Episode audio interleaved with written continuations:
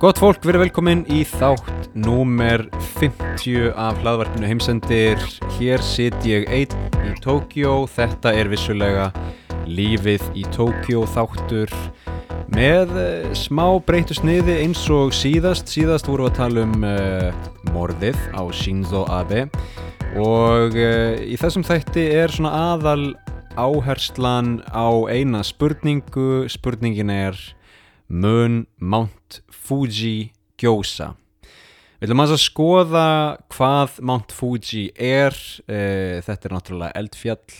Við ætlum að skoða sögu eldgósa í e, Mount Fuji og e, við ætlum aðeins að velta fyrir okkur hvað myndi gerast, hvernig myndi það líta út ef að Mount Fuji myndi gjósa árið 2022 Uh, eftir það þá uh, tökum við nokkra punkta, nokkra góða umræðu punkta uh, svona bara hlutir sem hafa hérna, hvað sem er, rekið á fjörun mínar hér í, í Tókjó um, svipmyndir úr lífi mínu í Tókjó og nokkrir fastir dagskrárliðir fylgja með.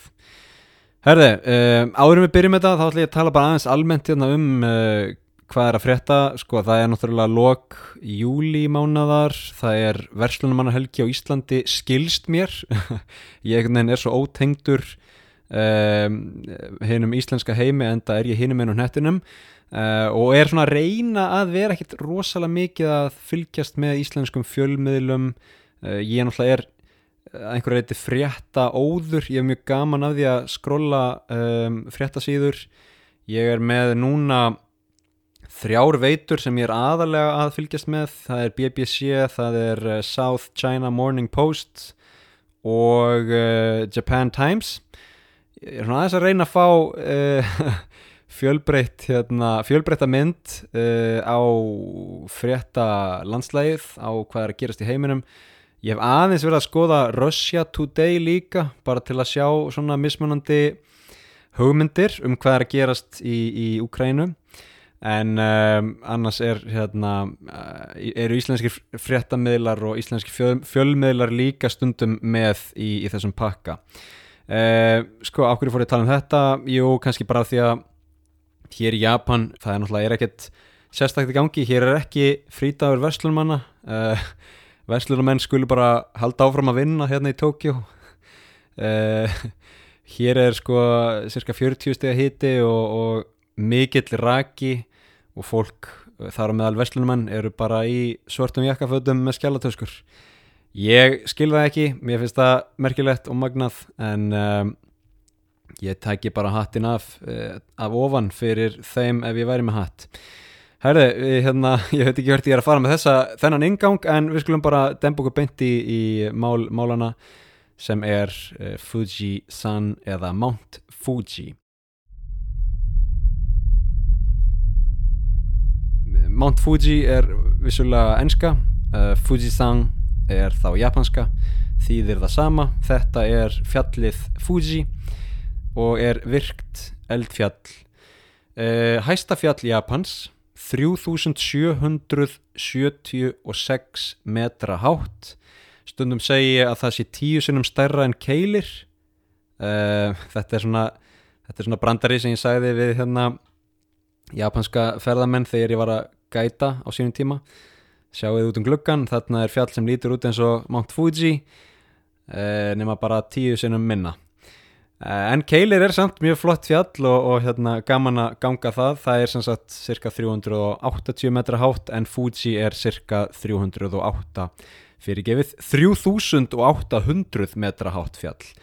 Eh, það er um 100 kílometra suð-vestur af Tókjó Ég hef séð Mount Fuji, ég hef ekki gengið á Mount Fuji en ég hef séð uh, fjallið uh, út um bílrúðu, um, ég hef keirt sem sagt svona í grendin, ég hef keirt fram hjá hérna, fjallinu þegar við vorum að fara til Ízu sem er uh, svæði hérna söðu vestur af Tókjó og ég hef aldrei komið nær en það en, en sko af því að Mount Fuji, af því að Fujisan er svona rosalega stórt fjall þá einhvern veginn Uh, sér maður uh, fjallið úr mikillir fjarlæð og tekur eftir því sérstaklega af því að lögunin á fjallinu er mjög svona uh, lík einhvers konar skólabókardæmi af eldfjalli. Þetta er algjör keila um, og falleg, falleg lögun á fjallinu og, og náttúrulega hefur, hefur veitt mörgum japunum og bara mikið af fólki mikið innblástur í gennum tíðina. Þetta er náttúrulega uh, mjög fallegt fjall sérstaklega yfir vetramánuðina þegar uh, stór hluti af efsta hluta keilunar er þakin snjó. Þetta er algjört svona, uh, já, svona skólabokar dæmi um eldfjall og sérst á mörgum japanskum myndum og japanskum svona listaverkum. Herði, Japan er náttúrulega þekkt fyrir mörg eldfjöll. Uh, ég kann ekki alveg jarðfræðan á baku þetta en það eru fleka skil hérna í Japan og svipað á Íslandi. Nema á Íslandi eru flekarnir að reyka í sundur hér í Japan eru þeir einhvern veginn að reyka saman sem veldur uh, meiri og, og sterkari og öflugri jarðskjáltum og ofta tíðum öflugum eldgóðsum líka. Um mér skilst að, að þó að náttúrulega það geti verið mjög öflug eldgós og jarðskjáltar á Íslandi líka þá séum við svona aðeins hefnari með það að flekarnir séu að reyka í sundur heldur en ef þeir væru að uh, reyka saman. Um, sko, Fujisan gauðs síðast árið 1707 og uh, mér langar að skoða það gós aðeins nánar. Við skulum ferðast aftur í tíman til ársins 1707.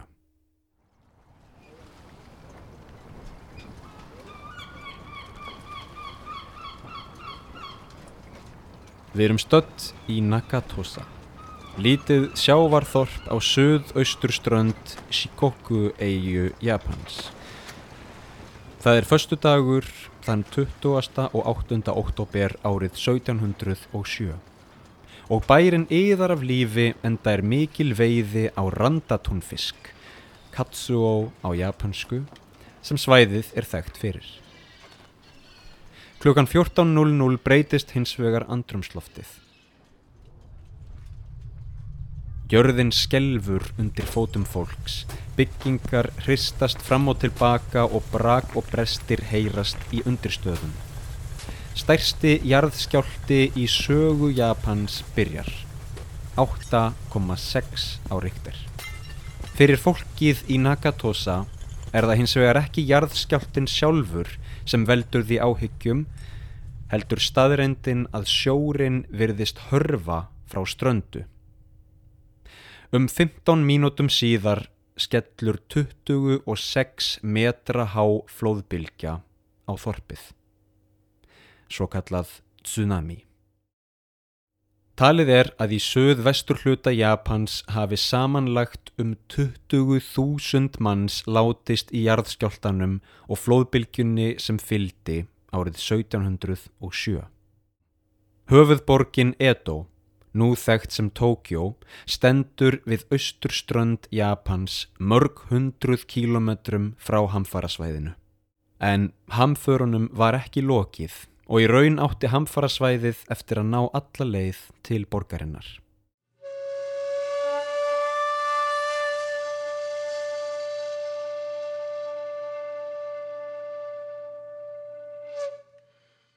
Fjörtjó nýju dögum eftir Hoei jarðskjáltan byrjaði gós í stærsta eldfjalli Japans, Fujisan. Þann 16. desember árið 1707 hefst gósið með gríðarlegum krafti sem sendir gósmökk af gasi, ösku og vigri langt upp í heiðkvolvið. Vindurinn blæs í austur, í átt að Edo og gerir það að verkum að ösku, gjalli og vigri rignir yfir borgir og bæi. Þúsundir heimila verða undir í öskufallinu sem og stór svæði ræktarlands. Í kjölfarið á gósinu veldur mikil rigning í kringum Fujisan, aurskriðum og flóðum. Gósið sjálft, fæðuskortur, aurskriður og flóð valda allt eigðileggingu og döðsföllum en óljóst er hversu margir letu lífið í hamförunum. Jarðskjáltin, flóðbylgjan og eldgósið í Mount Fuji árið 1707 voru einar mestu náttúruhamfarir sem Japan hefur upplifað. En hvað myndi gerast ef Fujisan færi að gjósa í dag?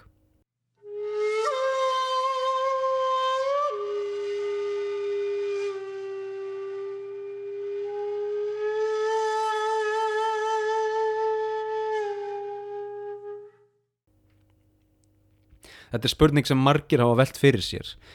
Um, þetta er spurning og áhætta og möguleg sviðsmynd sem einhvern veginn hangir yfir Tókjóborg og Tókjóbúum.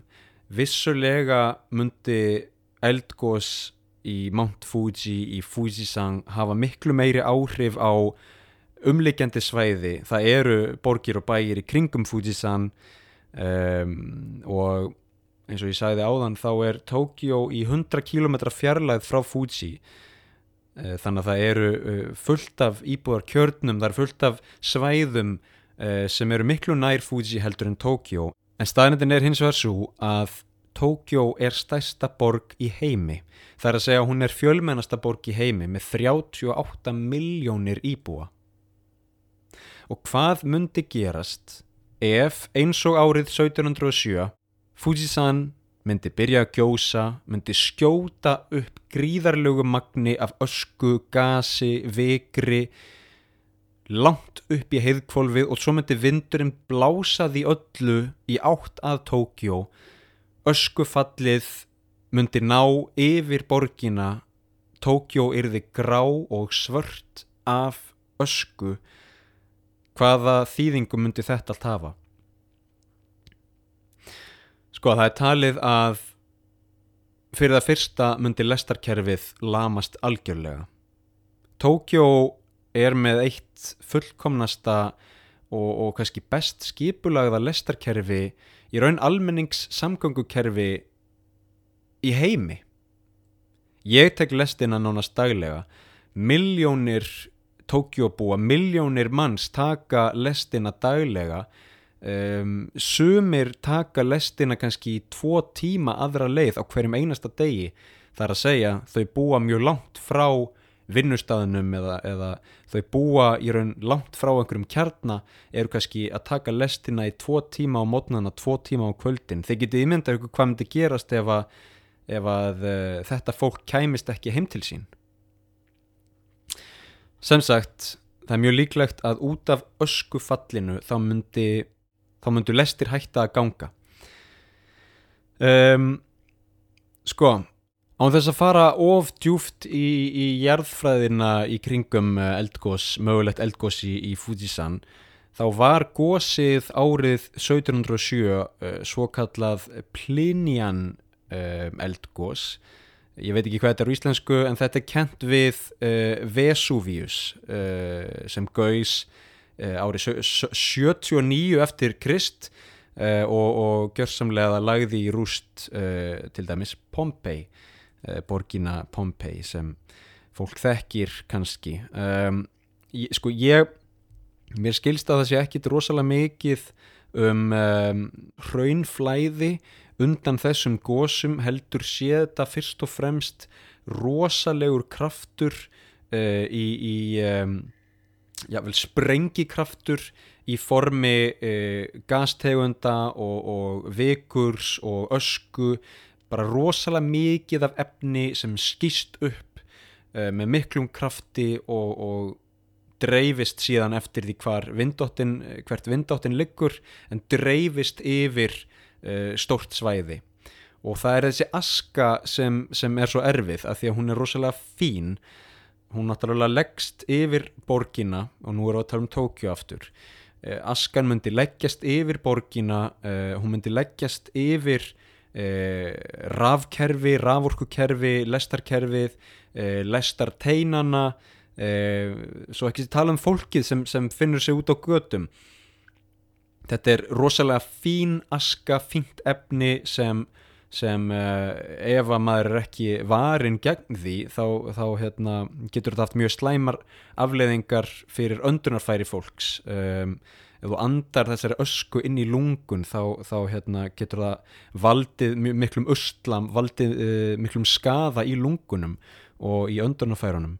Þannig að sko, þetta er svona það fyrsta sem myndi kannski gerast að, að borgin er bara undir lögð ösku um ég hef heyrt að sko um, það, það er talið að í, í gósinu árið 1707 það hafi öskulægið í Tókjó verið í kringum 8 cm sem er kannski ekkit rosalega mikið. Um, ég bara þekki það ekki en ég get allan að ymda mér það að það myndi hafa rosalega slæm áhrif á um, þessa vél, þú veist, raforkukerfið, samskiptakerfið, lestarkerfið samgöngur, all, öll þessi kerfi sem, sem byggja á samskiptum og, og raforku um, og byggja á því að virka sem einn heild um, askan myndi hafa mjög slæm áhrif á það. Nú hvað gerist ef að lestirnar hægt að ganga? Hvað gerist ef að, ef að það er raforku skortur eða, eða raforku kerfi liggur niðri? Hvað gerist ef að samskiptakerfi liggur niðri? sko með 38 miljón manns í svona stórborg þá get ég ímda mér að, að fyrst og fremst verði gríðarleg óreiða og um, þú veist, bara fólk út á gödum veit kannski ekki hvað er upp og hvað er niður, veit ekki hvað á að gera. Sko, Japan er náttúrulega uh, land þar sem um, hvað segir maður, traust á ríkistjórninni eða traust á uh, yfirvöldum er tiltölulega mikið. Uh, þannig ég get ímynda mér að, að hérna, uh, það sé búið að sko, undirbúa almenningað einhver leiti fyrir svona náttúrahamfærir, sérstaklega eftir stóra jæðskjáltan árið 2011 sem allir náttúrulega mjög stóri flóðbylgu og mikillega eðileggingu í uh, Tohoku-svæðinu í norðanverðu Japan, í norðanverðri Honshu eigu þannig að eftir, eftir þær náttúruhamfærir um, þá hérna, held ég að Japanir séu að miklu leiti mjög um, meðvituð um hættuna á náttúruhamfærum og, og uh, sko, Fujisan hefur ekki gósið í 300 ár og sömur segja vel að það sé komið fram yfir uh, góstíman, gósdag eða þú veist ég held að Fujisan sé að gjósað meðaltali á einu sinna á hundra ára fresti eða eitthvað henni þannig að það er komið í raun langt fram yfir uh, það, svo kallar due date þannig að ég held að Japanir séu alveg meðvitaðir um þetta og, og hérna ég var nú bara að lappa í gær í hverfinu mínu hérna og, og sá þar skildi fyrir utan uh, hérna grunnskóla sem ástóð þetta er designated uh, evacuation uh, shelter fyrir þitt hverfi. Þú veist, ef eitthvað gerist hérna í hverfinu þá átt þú að, að fara í þennan skóla og býða eftir frekari fyrirmælum. Um, þannig ég veit allan hvar sá skóli er og, og geti þá farið þanga en eins og ég segi þá hérna, held ég að er því samt mikil óreiða. Ég held að sérstaklega af því að þú veist, ég tek lestin á hverjum degi, ég tek sko ymsar leiðir, ég er ekki bara að fara alltaf á sama vinnustaf, ég fer að hitta fólk uh, viðsvegar um borgina, uh, ég er bara með app í símanum þar sem ég skrifa hvaðan ég er að fara og hvert ég er að fara. Og síðan fylgir leiðbeiningunum þar, taka þessa lest að þessari stöð skipta þar um uh, lest, hoppa í næstu og fara á þessa stöð og svo framvegis. Og sumar leiðir man ég og stundum veit ég svona sirka í hvaða átt ég er að fara, ég er að fara í norður, ég er að fara í söður en eh, heilt yfir ef að sko, ef að þetta myndi allt bara, vera, þessu myndi öllu vera kipt úr sambandi þá myndi ég ekki einu svona vita í hvaða átt ég ætti að lappa, skilur þannig að ef að ég, hérna, ef þetta gerist og ég bara er að fundi einhver starnir í bæ, ég veit ekki hvernig ég ætti að komast heim til mín. Ég veit ekki hvernig ég ætti að hafa samband við uh, fólkið mitt þú veist, þannig að þess vegna held ég að þó að uh, Japanir séu meðvitaðir um möguleikan á þessu uh, meðvituð um möguleikan á stórum náttúruhamförum á, á, á þessu þjættbíla svæði sem er Tókjó þá er þetta samt fyrst um sinn mikil óreiða. Ok, en hvað er japanska þjóðin að gera til að undirbúa sig fyrir mögulegt gós í Fuji? Um, það er sko upp á síkastið upp á síkastið uh, as in fyrir kannski 5 til 10 árum byrjuðu að, að berast fréttir eða byrjuðu fjölmiðlar að skrifa fréttir öllu heldur um, um einhverjar svona, einhvern undirbúning sem, sem er að eiga sér stað. Til dæmis fyrir tveimur árum þá var talað um að uh, lögreglu embætti í kringum höfuðborgarsvæði Tókjó uh, væru farin að byggja upp neyðarbyrðir af riggrímum og hlýfðarglerunum reynum aftur. uh, neyðarbyrðir af riggrímum og hlýfðarglerugum fyrir öskufallið. Við erum að tala um 95.000 grímur og 6.000 hlýfðarglerugu fyrir lögreglu og annað björgunarlið sem væri þá í einhvers konar björgunar aðgerðum um, sko, síðan er líka talað um hérna mun á annars vegar evacuation plan.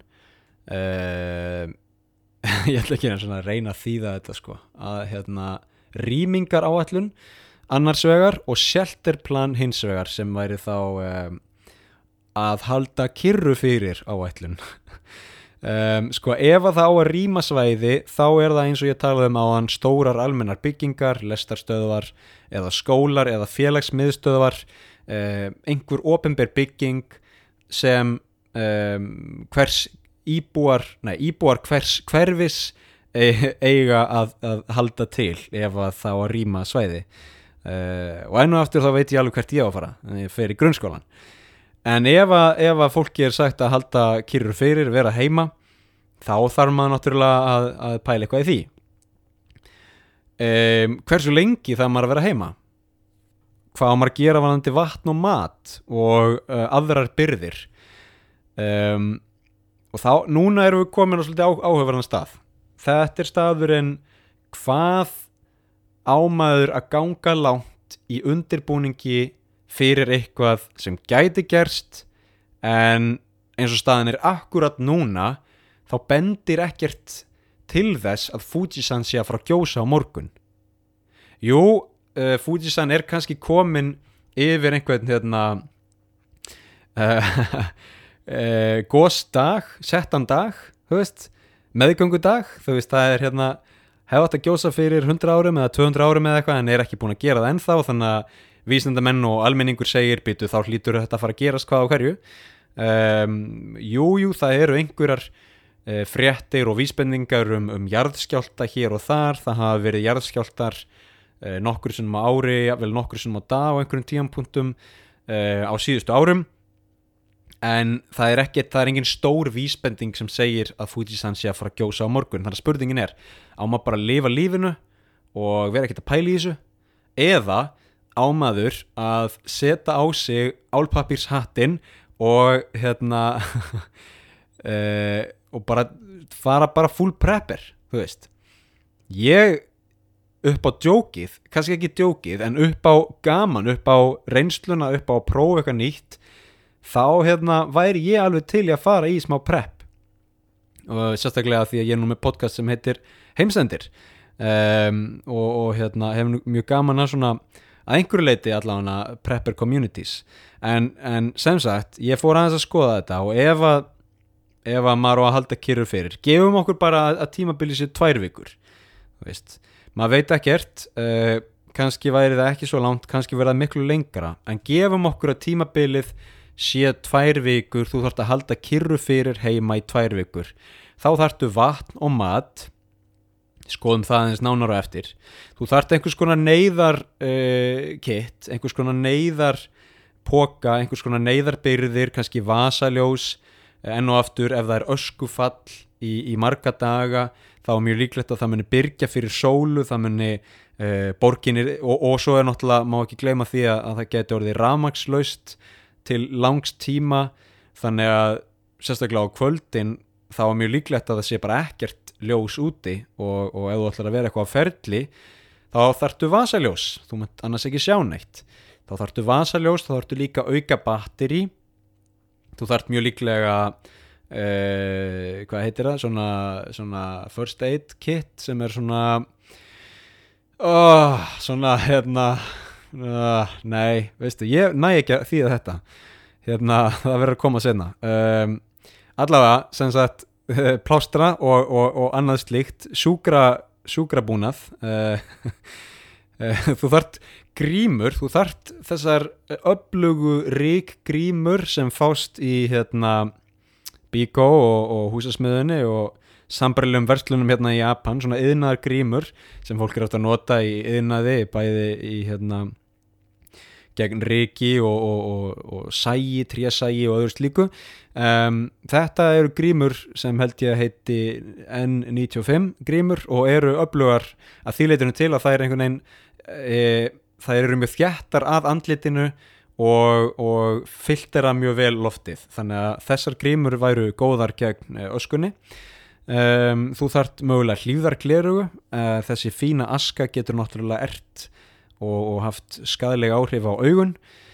Og svo er mögulega gott að vera með einhvers konar útvarp sem gengur fyrir rafluðum uh, til að fylgjast með fréttum og leðbenningum sko, ef við ætlum að vera heima í tvær vikur, hvað þurfum við mikið að mat? Ég veit ekki alveg hvað við þurfum mikið en það er kannski gott að hafa bara nóg af mat uh, ég skoðaði hérna einn góðan preppir á YouTube og viðkomandi var að mæla með allavega 10 kíló af hrísgrónum Uh, nóg af dósamatt uh, hérna í Japan geti það verið sardínur, makríl, bönir jafnvel, ávextir, gott að hafa einhverja ávexti fyrir, fyrir sévitamin í, í, í, í niðursöðu dós.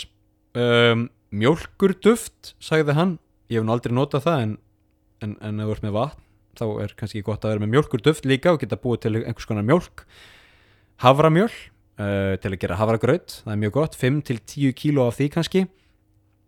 Netusmjör uh, sulta, hunang pasta 10 kíló af því. Og pastasósa uh, salt, mikilvægt.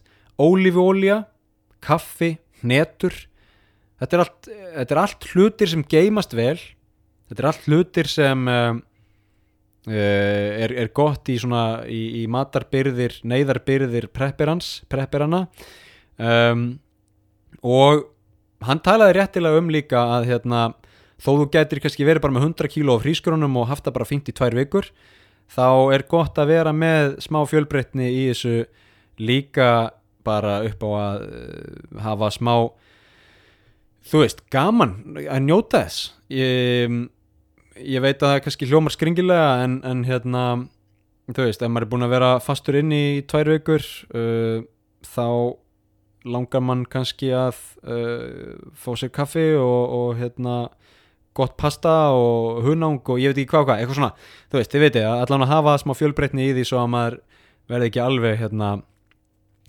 rugglaður á því. Uh, en vatn, hvað þá maður mikið vatn? Uh, sko, ég gerði svona smá hérna reikningstæmi, ef að ef að uh, maður þarf þrjá lítra vatni á dag og við erum tvö hérna með kettunum þá erum við þrjú, þú veist, með kettinum sko uh, þá erum við cirka í 90 lítrum, kannski 100 lítrum yfir tvær vikur. Það eru sko 52 lítra flöskur. Um, ég veit ekki sko ef ég bý 25 fermetra íbúð þannig að ég veit ekki hvort að ég geti komið 52 lítra flöskum fyrir hérna sko Uh, ég veit allan að Sýrin, uh, eh, kona mín, er ekkit rosalega hrifin með það ef ég myndi fara uh, gera það. Hún myndi kannski verða hrifin að því ef að Fujisan myndi gjósa og, og þetta myndi bjerga okkur en þánga til að það gerist þá held ég að ég komist ekki upp með það að fylla íbúðuna af vassflöskum. Ok, við, það er hægt að dvelja lengi við þetta en við ætlum að hérna, reyna að klára þetta bara. Sko, spurningin er mun Fujisan gjósa mun Mount Fuji gjósa? Svarið því er já. Fujisan er virkt eldfjall og það mun gjósa. Spurningin er bara mun það gjósa eftir viku, mun það gjósa eftir mánu mun það gjósa eftir 1 ár eða 10 ár eða 50 ár eða 100 ár? Ef það eru 50 ár ef það eru 10 ár ef það eru, þú veist, 100 ár þá þarf ég kannski ekki að pæla í þessu í dag. En ef það gís í næstu viku og ég hef ekki neitt pælt í þessu þá hérna þá munur preppirarnir segja I told you so. Þið veitir um, þetta er áhugavert. Ég kannski byggja upp smá neyðar hérna, byrðir af mat og vatni og, og grímum og hlýðarglerugum bara upp á djókið, bara upp á að hafa prófaða uh, köllum þetta rannsóknarverkefni fyrir uh, heimsenda fjölskylduna. Ok, nóg um það. Fujisan mun gjósa. Uh, spurning, spurningin er bara hvenar og spurningin er hversu vel við viljum undirbúa okkur hér í Tókjó og hér í Japan. Skiptum yfir í fastan dagskarálið það er hljóð vikunar Þessa vikuna erum við að tala um uh, Pachinko. Pachinko er um, tegund af fjárhættuspili hér í Japan. Ég veit ekki hvort þetta myndi heita fjárhættuspil af því að fjárhættuspil eru vist ólögleg en um, potato potato vissulega er þetta fjárhættuspil. Sko, þetta er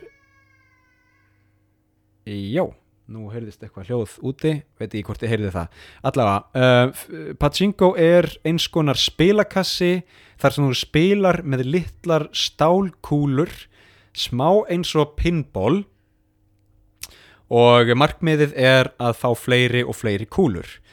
Um, sko, enn og aftur eru fjárhættuspil ólögleg í Japan en Pachinko býr til uh, leið í gegnum þessi lög í gennum uh, þessi lög með því að búa til uh, millilið og um, þetta virkar þannig að þú vinnur þessar stálkúlur í spilinu, í spilakassanum og skiptir þeim út fyrir teikn eða tóken eða einhvern hlut sem þú síðan selur til þriðja aðila sem er oftast bara við hliðin á pachinko spilavítinu og færið pening fyrir það. Það veist, þannig að þetta er eins og ég veit ekki, við erum á Íslandi við erum hérna á Ingolstorgi og við förum inn í spilavítið uh, torgið.is og spilum póker og vinnum bánsa og svo förum við á hlölabáta og seljum bánsan fyrir þú veist, tíu skall eða eitthvað. Uh, hlölabátar mega hérna kaupa bán, eða veist, ok, ég veit ekki ég ætla ekki að fara oflant í hérna einhverjum, einhverjum hérna samanburði eða, eða yfirfærslu yfir á Íslands samfélag en þið, þið veitir hvað ég á við vonandi. Sko, hérna, það er bara milliliður og þá er búið að búa til uh, ákveðna fjarlægð milli aðila í þessum uh, þryggja aðila samningi og þá er búið að komast hjá þessum lögum. Um, ok, af hverju er þá ekki bara ja, af hverju er ekki bara bannað að uh, þú veist, af, af hverju er ekki ríkstjórnin eða, eða yfirvöld búin að búa til einhverja leið til að til að, uh, þú veist, svo þetta sé ekki hægt, af hverju er ekki hægt að koma í veg fyrir þetta? Já, það er önnur spurning, ég menna, mögulega er japanskum yfirvöldum sama, mögulega vilja japansk yfirvöld bara að þetta haldi áfram, um, sko það eru gríðarlega miklar tekjur sem er að koma úr þessum pachinko yðnaði, uh, árið 2015 voru tekjur yðnaðarins til dæmis meiri en tekjur spilavíta í Las Vegas, Macau og Singapore til samans. Pæliði því. Talið er að um 9% japanskra karlmanna og 1,5% japanskra kvenna spili pachinko. Um, þegar kemur að gaurunum þá er það, þú veist, cirka 1 tíundi af, af uh, gaurum í Japan það er frekar stór hluti. Það er eh, eins og ef að 15.000 nei, það er eins og ef að 18.000 gaurar á Íslandi væri að spila eitthvað. E, Akkur er ég að yfirfæra allt á Ísland? Jæja, hérna allavega um, sko, það er talið líka að stór hluti þeirra sem spila Pachinko séu vissulega háð þessum fjárhættu spilum og séu jafnvel komin í það, þann pakka að fá lánaðan pening til að spila. Um, af hverju er ég að tala um Pachinko? Í fyrsta lagi uh, af því að mér finnst þetta rosalega merkilegt. Ég hef spilað hérna póker, uh, mér finnst það skemmtilegt.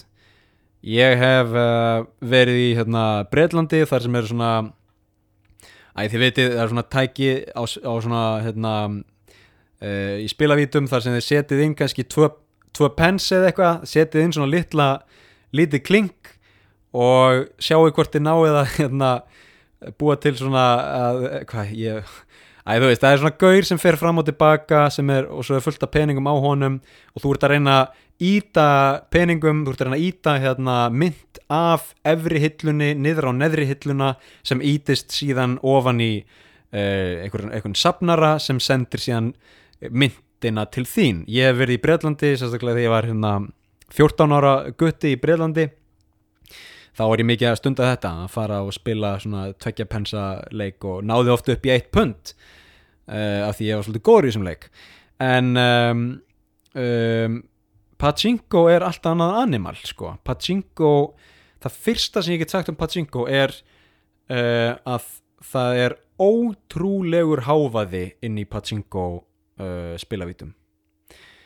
Og þetta er svona einhver, einhver leiti eins og slott uh, spilakassarnir í Las Vegas þar sem þeim er svona raðað upp og fólk setur hlið við hlið við hlið við hlið og er svo bara að reykja og, og ja, vel, með drikk eða eitthvað og er bara að dælin pening og, og fær kannski pening tilbaka og kaup meiri pening og dælir inn og þú veist alltaf frétta. Um, ég hef aldrei prófað þetta og ég einhvern veginn ég get ímyndað mér þessi ávinnabindandi ég get ímyndað mér að, að það sé mjög ávinnabindandi að vinna og að hérna e, heyra hljóðið sem kemur þegar þú vinnur og sjá eitthvað svona animation á, á skjánum og það sé allt mjög spennandi. En uh, af því ég hef ekki prófað þetta ég hef bara farið þarna inn og heyrt hvað háfaðinn er gríðarlegur þá einhvern veginn hef ég ekkert rosalega jákvæða mynd af þessu. Hljóðvikunar er sem sagt ég að ganga inn í Pachinko spilavíti uh, ég tek hann einn ring og fer síðan aftur út. Og mér langar að spila þessa klippu, ég tók þetta bara upp á síman minn en vonandi heyriði hversu rugglaður háfaðin er og hversu bara mikið af hljóðum er í gangi. Þú veist það er bæði einhver, einhver, einhver tónlist og svo er líka samhljómur og, og um, bara óreiða og, og, og hérna, ómstríðan í öllum þessum spilakössum að, að gefa básuna út uh, einhverja tilkynningar á sama tíma. Uh, höfum þetta ekki lengra nú, nú spilum við hljóðvikunar gjörðu svo vel, þetta er Pachinko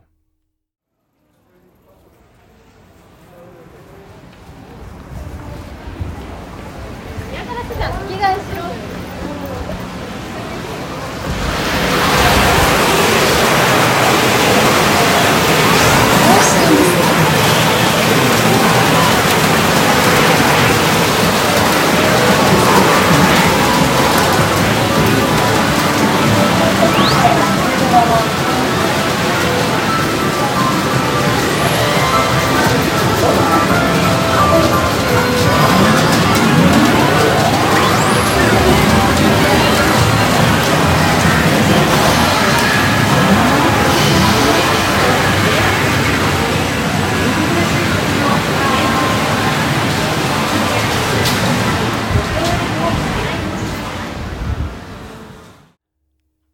þetta var hljóðvikunar en nú skulum við fara í nokkra eh, punta, eh, skoðum svona það sem ég hef verið að taka eftir hérna í, í Tókjó.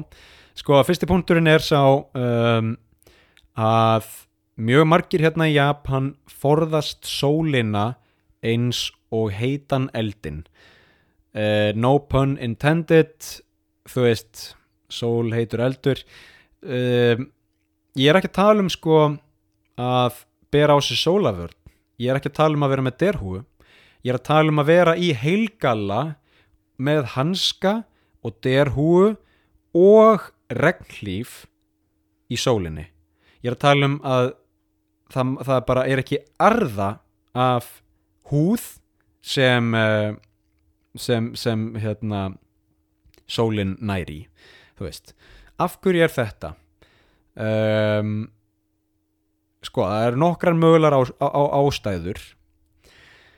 Um, einn sem ég sá er að, að um, japanst fólk og japanskar konur sérstaklega vilja forðast myndun sólarbletta eitthvað sem heitir lentigo solaris og frekna þið veitir um, á Íslandi þá hérna þú veist, er vinsælt að fara í sólalandaferðir og liggja á ströndinni og bera á sig sólavörn eða sömur bera á sig einhvers konar tannolíu þið veitir skilur, og hérna og ég meina, veist, stundum koma freknur og eitthvað svona og, og hérna en Íslandingar eru, eru mikið fyrir hérna sólböð og, og eitthvað svona.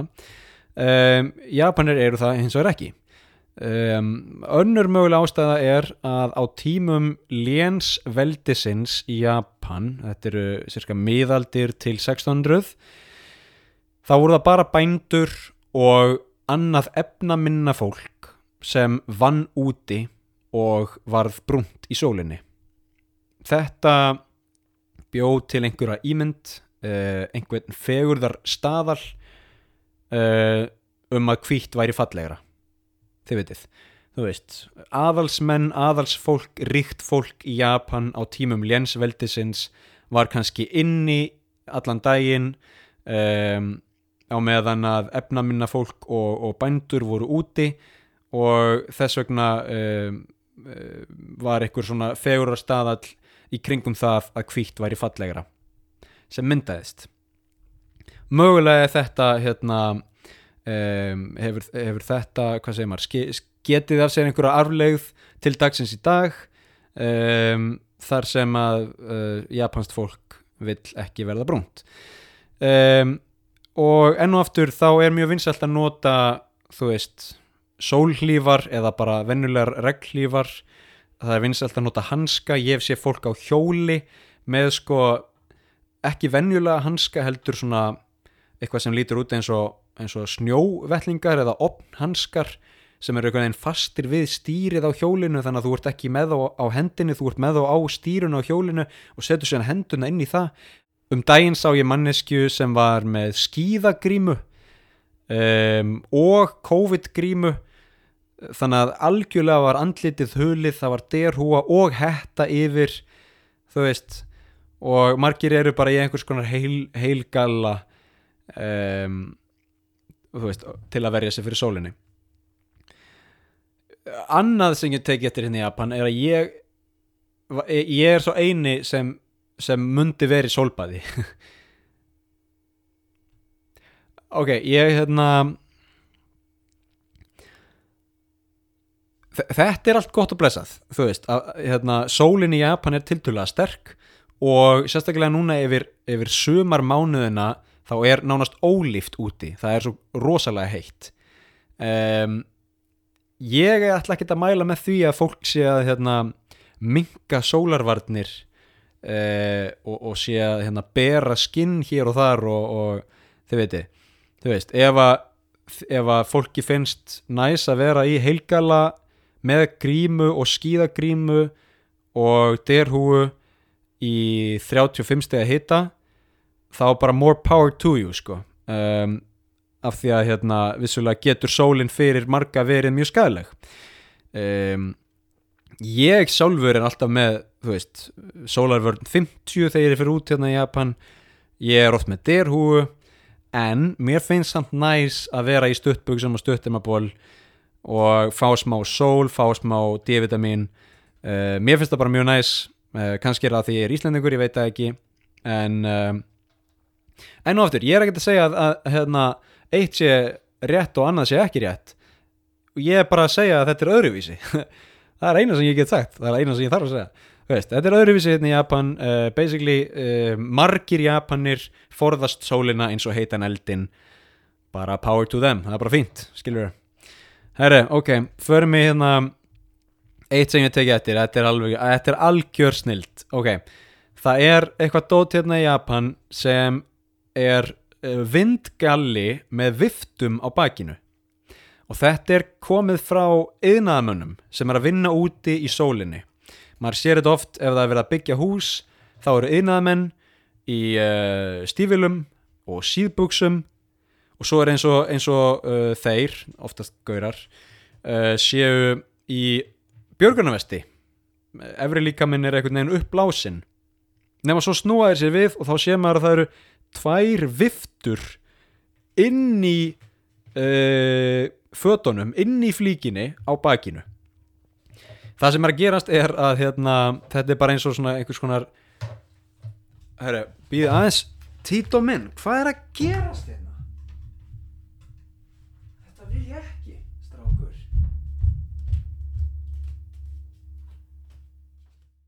Ok, uh, mættur aftur. Uh, Tito var sem sagt að klifra upp á vasskálina sína og velta henni um koll. Tito er köttur minn fyrir hérna, þau ykkar sem ekki vitið. Um, Höldum áfram, ok, ég var að tala um vindgalan, ég var að tala um yðnaðmenn í Japan sem er að vinna úti í steikjandi hita og eru í svona uppblásnu uh, hérna, vesti eða úlpu þetta er eins og dúnúlpa nema það er bara vifta á bakinu sem er að blása uh, hvað, út heitaloftinu sem myndast inni. Eða, já, frekar hann að blása inn köldulofti allavega, það er einhver vifta sem er að hérna uh, sörkjuleita lofti uh, inn í flíkinni og það náttúrulega gera það verkum að flíkin blæs upp og, og hérna, þetta er mjög gott. Sko, ég hef heyrt að þetta sem mjög þægilegt. Ég hef heyrt að hérna, fyrir fólk sem er að vinna úti í svona steikjandi hita þá sé þetta bara mjög mikilvægt. Um, og, og svona mjög um, vel loftræst sko. En eins og með allt þá hérna, er ekki bara yðnaðar fólk sem er í þessu. Það er ekki bara eh, fólk sem þarf virkilega á vindgallanum að halda þetta er líka vinsælt hjá sérstaklega japanskum gaurum sem hérna, finnst þetta bara töff sko, bara að vera í svona yðnaðar hérna, vindgala sko, þannig að ég hef alveg séð í lestunum og, og hérna, bara út á götu bara fólk sem er ekkert í neinum yðnaðar störfum en er samt í vindgalanum. Uh, ég kannski hendi mynd af svona galla á uh, Instagram storyið hjá heimsendir niðurstrykk podcast fyrir áhuga sama Herði, um, tökum hérna síðasta uh, punktin um, þetta er uh, skemmtileg saga sem ég uppliði sko enn og aftur núna í Japan er sumartími það er hérna lók júli og, og eitthvað svona og upp á síkast þá tekið eftir því að það eru svona stórar eh, pöttur að fljúa hérna um uh, borgina og bæina. Þetta virðist vera einhvers konar bjöllutegund um, þetta er eitthvað svona eitthvað kvikindi úr Bugs Life. Þetta er kannski 6 til 8 cm langt mjög stór fluga sko og hérna eða bjalla og stórir vangir og, og hérna svo virðist vera sem að núna sé tíminn fyrir um, þessar bjöllur af því að ég, ég sé mikið af þeim hérna í Tókjó nema hvað, ég var í lestinni um daginn og stó, ég, stend, ég stend eil alltaf í lestinni. Uh, ég fæ ekkert sæti pluss það að ég er eiginlega aldrei með grímu uh, í lestinni eða á almannafæri af því að uh, mér finnst grímur óþægilegar og ég er bara búin að vera með grímu í tvö ár og ég hérna er bara, er bara komið gott sko. En til að sína smá tillitsemi þá, þá reynir ég að setjast ekki við hliðina á Japanum af því þau, þau hérna eru flest með grímu og svona. Þannig ég stend oft bara við ingangin á lestinni. Þarna stóð ég við ingangin á lestinni og það kemur inn gaur og svo tekur hann sko bara heljarstökk honum bregður svo. Það hérna þá greinilega flög eina af þessum bjöllupöddum inn í lestina og einhvern veginn eiginlega inn í eirað á honum. Og hann hérna sló svona frá sér og, og hérna tók heljarstökk og, og snýri sér í hring og allt það og nema hvað að hurðin lokaðist náttúrulega eftir pöddunni. Og svo hvarf hún bara. Uh, ég er með góða aðtegliskáfu þannig ég sá að pattan hvarf ekkert sko. Hún settist á öxlina á konu sem var sitjandi fyrir aftan gaurin uh, á þessum tímamóti var lestin orðin nokkuð full af fólki sko. Og ég get ímda mér að ef að pattan hefði farið aftur á flug þá hefði hérna mm, allt farið í rögl, mikil óreða myndast í, í vagninum og einhver hefði vil hendi einn góðan neyðar napp um, nema hvað að kona við hliðin á konunni nú erum við komin í hérna með fjórar personur í þessa sögu. Uh, bendirinn á eh, fyrir ekki, ég sé hérna að það er já, ekki horfa. Þú skalt bara ekki að horfa, ég skal bara, ég skal bara lýsa þessu fyrir þér, það er hérna það er svona patta á augslinaður en ekki, ekki örvenda, ekki reyfa þig, verður bara kyrr. Við býðum bara, andarólega, andarólega já, ok, og hérna og, og hvað er, hva er stoppastöðun þín? Uh, Kawasaki já, já, já, ok, það eru fimm mínútur í það. Við skulum bara setja alveg kyrr við viljum ekki fá þessa pöttu á flug uh, þannig að við bara slögum á. Og ég skal bara fylgjast með henni. Og svona sátu þessar tvær konur um, uh, ég, ég, ég segi ekki pollrólegar en hérna þær voru að reyna að halda lestinni góðri með því að hérna láta pöttuna ekki fara á flug í lestinni sko. Og þær hérna heldu algjörlega e, yfirvegun og, og, og voru rólegar og sátu hérna og, og hérna e, náðu að, að vera ekki inn unnu paniki og síðan stoppum við í Kawasaki og hérna þá fer streymir út fólk og þær sitja eftir og býða, býða, býða og það er ok, núna gerum við þetta. Stóðu saman upp og gengur saman út úr lestinni bara hægt og rólega. Og þá tekur hérna konan sem, sem var ekki með farþega á bakinu upp svona viskustykki og slær pöttuna af bakinu á, á, á grei konunni. Um, þessar tvær konur basically bara björguðu lestinni að, að, að þvíleitin til að ég er ekki einu svona grínast. Um, sko það var það mikið af fólki í lestinni að ef að þessi rísastóra 8 cm patta eða bjalla hefði farið á flug inn í vagninum þá hefði einhver slasast sko, það er bara þannig. Um, ég fylgist með þessum, ég fannst þetta mjög áhugavert. Mér fannst hérna, þær standa sér mjög vel í, í hérna, að halda rósinni. Og af því að þetta fór allt svona vel þá ákvaði ég að taka upp um, þegar hérna pöttunum var sleft aftur út í um, frelsið. Þannig að ég mun líka setja myndband af því í uh, Instagram story uh, þegar þessi þáttur kemur út. En á aftur heimsendir niðurstrykk podcast. Um, þetta var skemmtilegt, þetta var mjög gott sko. Og alltaf, alltaf tekum maður eftir einhverju svona skemmtilegu. Þetta er líka, ég er búin að reyna ég er búin að vera að reyna að vera meðvitaður um það að vera ekki í símanum í lestinni. Um, að vera ekki að hlusta á eitthvað heldur að vera bara vera bara til staðar vera bara meðvitaður um fólki í kringum mig og, og hérna þú veist uh, af því það eru allir einhvern veginn límdir við síman nú til dags, sérstaklega í lestinni hérna í Japan. Það er alveg allir bara ón í símanum og enginn tekur eftir neinu öðru. Þannig ég er svona að reyna að hérna, vera einhvers konar mótvægi við það en uh, við ræðum það betur síðar. Um, þetta er uh, þátturinn í dag. That's it for now. Um, ég er að fara til Hokkaido í næstu viku. Ég er að fara uh, til Sapporo í norður Japan í smá frí. Ég mun líklega hérna, taka bara græjurnar með mér og haldi áfram að framlega þaðan. Um, þannig, að, þannig að það geti komið eitthvað skemmtilegt um, þema frá Hokkaido næst. En annars byrð ég ykkur bara vel að lifa vonandi verður ágúst mánuður góður fyrir uh, ykkur sem er að hlusta á Íslandi.